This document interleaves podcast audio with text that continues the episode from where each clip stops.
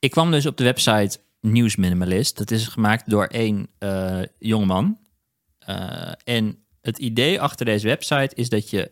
Hij is iedere dag is er maar één versie van het nieuws. Je kan het nieuws lezen, vastgezet in de tijd. En wat het ding doet, is hij kent aan... Hij, hij indexeert uh, bronnen dus uh, de New York Times en The Guardian en Reuters en uh, MSNBC, en, maar ook de Daily Mail en gewoon kranten en nieuws, nieuwsites. Ja. Daar indexeert hij de feeds van, ik neem aan via RSS.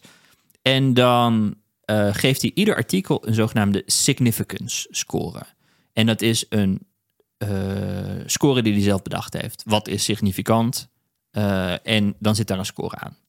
En wat je dus op die site kan doen, is dat je een schuifbalk hebt en ieder artikel heeft een significance score van 0 tot 10.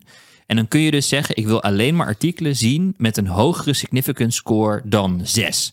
En vandaag, op deze dag dat wij dit opnemen, zijn dat 11 artikelen, 0,88% van uh, de artikelen die ge geïndexeerd zijn door dat ding. Ja. En dan, ja, nou, hij heeft een, zelf een definitie bedacht van wat significant is. En uh, op Twitter vertelt hij een beetje wat hij per dag update aan die site. Die site is nu een week oud of twee weken oud, niet zo lang.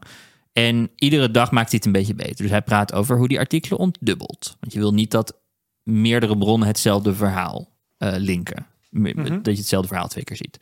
Um, maar wat hij bijvoorbeeld ook doet, is bronnen die hij ziet als minder betrouwbaar, dat die uh, hoog komen. Je wil eigenlijk dat als je een artikel hebt over, weet ik veel, uh, nou, bijvoorbeeld die cruise missile boven Oekraïne, boven Oekraïne uh, dan wil je niet een artikel van de Daily Mail daarover. Nee. Bijvoorbeeld. Dus hij, hij op een gegeven moment. Ja, je dan blijkbaar. Blijkbaar. Dus hij heeft op een gegeven moment heeft hij bedacht. Uh, wat is significant uh, van welke bronnen zijn zich. Nou, zo maakt hij iedere dag maakt hij dat ding een beetje beter. En hij heeft gewoon aan ChatGPT gevraagd. Maak een lijst, of zeg maar, ken, credibi ken credibility scores toe per nieuwsmedia. En toen dacht ik dus, oh, maar dit is interessant, want dit kan ik zelf. Dit kan ik zelf gewoon maken. Ja. Het is niet dat hij een of ander ingewikkeld trainingmodel heeft gemaakt. Hij heeft gewoon gezegd, hij heeft gewoon gezegd, dit zijn duizend artikelen die vandaag uit zijn gekomen. Dit zijn de bronnen erbij. Lees die artikelen en verzin op basis van deze drie uh, metrics wat de score moet zijn. Ja. Nou, ik vind dit dus heel interessant. Dat je dat, eigen, dat simpele, eenvoudige schoenenlappers, zoals Matthijs dat zou zeggen, uh, uh, dit soort uh, rankings kunnen maken, dan wordt het interessant. En toen dacht ik dus, hoe zou ik dit, ik, ik wil dit voor mijn leven. En ik wil zelf de significantie kunnen bepalen. Dus ik wil, dit is een prompt eigenlijk. Hoe tof zou het zijn als Nederlandse kranten een keer het lef zouden hebben om een beetje humor op de voorpagina te doen?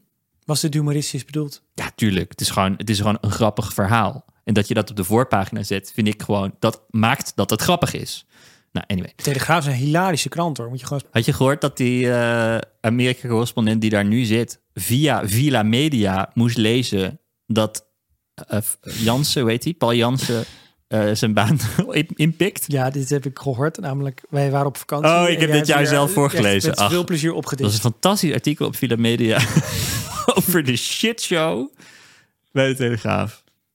Maar anyway. De, uh, maar goed, jij, ja. wil, je keek dus, naar je eigen leven ja. en daar wil jij nu in nou, significant. Ik had het over voor. de FT. Ik, sorry, alle gedachten aan alle kanten op. Ik had het over de FT, omdat als je een krant leest, en op papier heb ik dat makkelijker dan online, dan scan je koppen en doe je een eerste aanname over of je het wil lezen, ja of nee. Soms ja. lees je artikelen waarvan je dacht, dat gaat leuk zijn, dat gaat niet leuk zijn. En soms denk je, dit gaat niet leuk zijn. En dan begin je toch te lezen en blijkt het opeens heel erg leuk te zijn. Dat ja, heb ik, ik in doe dit heel ook vaak. in mijn uh, Readwise, waar, of Reader, waar alle, Reader van Readwise, waar al mijn nieuwsbrieven en RSS samenkomen. Dat is zoveel dat ik het niet allemaal kan lezen.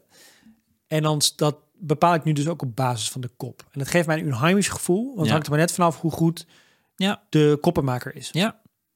Ja. En verder is er in je RSS of in je reader heb je weinig context ook. Terwijl op, op papier heb je toch het overzicht van de lengte van het stuk. En je, je hebt iets meer met iets meer gemak en overzicht. Streamertje. Precies. Ja. Plaatje erbij, nou hoe dan ook. En eigenlijk dacht ik, waarom... Ik, ik begon een beetje hardop te redeneren. Waarom ga ik dit stuk nu lezen? Want er was dus iets aan die kop. Of ik kon, ik, kon, ik kon beschrijven dat het een bepaald onderwerp was wat ik leuk vond. En ik dacht, ik zou een prompt kunnen proberen te schrijven... dat als ik deze hele krant als soort van materiaal heb om te coveren... kan ik dan een prompt schrijven dat als ik dan op enter zou drukken, dat die precies de artikelen zou uitkiezen die ik zelf ook gelezen zou hebben? Nou, als Blind dat... testen. Dat kan je natuurlijk blind testen. Ja, precies. Ja. Nou, als dit zou lukken, en dat is een beetje wat die gozer heeft gedaan met die significance scores in die News Minimalist website. Ik kan beschrijven welke onderwerpen ik buitengewoon interessant vind. Ik kan ook omschrijven dat als artikelen op een bepaalde manier geschreven zijn, dat ik ze waarschijnlijk Het is een interessant vind. prompt die nooit af is natuurlijk. Nee, oké, maar laat het. Oké, je blijft hem aanscherpen, prima. Maar ik weet wel dat ik ga een, een heel ander prompt hebben dan jij al. Mhm. En wij, denk, wij lezen veel dezelfde dingen. En desalniettemin gaat het, gaat het vrij verschillende prompts zijn. Ja, ik ga langer in de stijlsectie blijven hangen. Bijvoorbeeld. Die stuur je mij altijd fotootjes van. Ja. Dat waardeer ik zeer. En ehm, toen dacht ik, nou, als ik dus dit voor de FT van vandaag kan doen, misschien kan ik het dan ook wel doen voor, de, eh, voor gewoon het nieuws op het internet. En dit is uiteindelijk mijn droom, dat ik artikelen kan lezen. En dan is het niet eens synthetisch geschreven artikelen. Het gaat puur om het discovery van artikelen. Bronnen die ik boeiend vind. The Economist, The Atlantic, The New Yorker, de New York Times. Gewoon dingen met fatsoenlijke kwaliteit. En dan een threshold over welke onderwerpen ik niet interessant vind. Oftewel die significance scoren. Al die dingen over stijl inderdaad eruit. Of alleen in een speciaal hoekje waarvan de kans groot is dat ik het aan jou kan doorsturen. Misschien kan het een aparte sectie zijn. Misschien kan niet gewoon automatisch doorsturen. Ja. inderdaad. Waarom zit ik er nog tussen? Ehm, en dat wil ik iedere dag via e-mail. En toen dacht ik, nou, als ik dat heb, dan heb ik gewoon een soort van persoonlijke krant. Dat lijkt me vet. Algoritmisch. En ik kan het prompt zelf de hele tijd aanpassen. Wat dus een stuk anders is dan wat bij Blender het idee was. Namelijk een algoritme dat voor je bepaalt. Wat zogenaamd zelflerend is, maar dat toch niet echt lekker werkt. Eh, of Twitter, wat, waar, waar je je ergert aan het algoritme. Omdat, het, omdat er gewoon zoveel ruis in zit. Je- je- als je controle Dat hebt mensen over het gaan gamen, ja. Dat. Omdat ja, ze precies. weten ongeveer hoe het algoritme Ja, werkt. Stel, dat heb je niet bij een persoonlijke prompt. Precies. Je kan zelf je prompt schrijven. Mhm. En, ehm,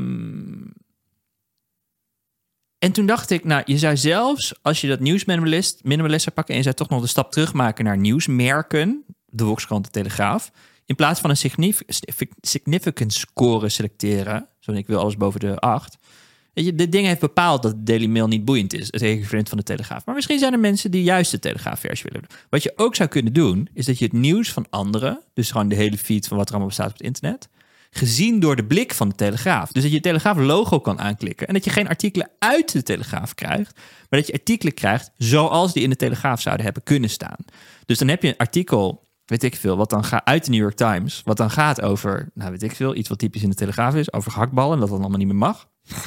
En dan herschreef. En dan, en dan geselecteerd omdat het iets is wat Telegraaf leest belangrijk. Dus het is een, het is een prompt. Ik, ik realiseerde me opeens. Alles is een prompt. Ja, alles. is- eh, eh, Als, jij een, als jij een Volkskrantjournalist hebt en je, en je schrijft een stuk, je bent dus je Volkskrant, schrijft een stuk, dan heb je een idee over wat de doelgroep van de Volkskrant is. Dat is een prompt. Dus stel je zou al het nieuws van de wereld kunnen zien door het prompt de Volkskrant. Nou, dan heb je dus een selectie van artikelen. Maar stel nou dat je dan het kan laten herschrijven in de stijl van de Telegraaf als je net de Telegraaf-logo hebt aangeklikt. Dat je daadwerkelijk een stuk van Reuters kan lezen in de stijl, want het is ook gewoon een stijl van schrijven, dat hij het herschrijft in de stijl van de Telegraaf. Waar is nog je copyright? Ik vraag me af. Ik bedoel, Ja. ga maar eens claimen dat het plicht plagiaat is of zo. Het is gewoon- Copyright is sowieso... Het is herschreven er door gouden tijd in. Als ik nu eh, zou denken van hoe kan ik veel geld verdienen, zou ik copyright lawyer worden. Lawyer, ja, Ja. precies. Maar het is nu gewoon, dan heb je dus een overzicht. Dan heb je dus de Telegraaf aangeklikt. Je krijgt artikelen die bij de Telegraaf passen, die in de stijl geschreven zijn van de Telegraaf, maar het is niet geschreven door Telegraafjournalisten. Ik wil dit nu maken. Ga doen dan. Ik hoop dat iemand het doet die dit Dit luistert. is jouw modus operandi. Uh, Om de show rond te maken, zou je bij dit enthousiasme dus nu moeten nadenken. En wat is de keerzijde hiervan? Ja, eh, evident. Namelijk dat. Dat was ook een beetje de toon die Gertja Boekman en eh, Erik Roddelhoff eh, eh, op nou, het journalistiek is heel belangrijk hoor. Ja. Dat is. Ik, ik vind het Ik heel fijn dat er heel veel Of je journalisten hier dus zijn. wat mee moet. Want het is ook... Ja, je moet gewoon het voor zijn, het zelf gaan doen. Ja. En daarmee het voor zijn. Zodat je zelf die gave tools maakt die mensen willen gaan gebruiken. Zo eindigt elke pompshow tegenwoordig met dezelfde oproep. Ik had nog een heel leuk, heel leuk onderwerp over kruidenpotjes. maar doe even ik door volgende naar. Listen to the full episode of Pom on Podimo from Denmark.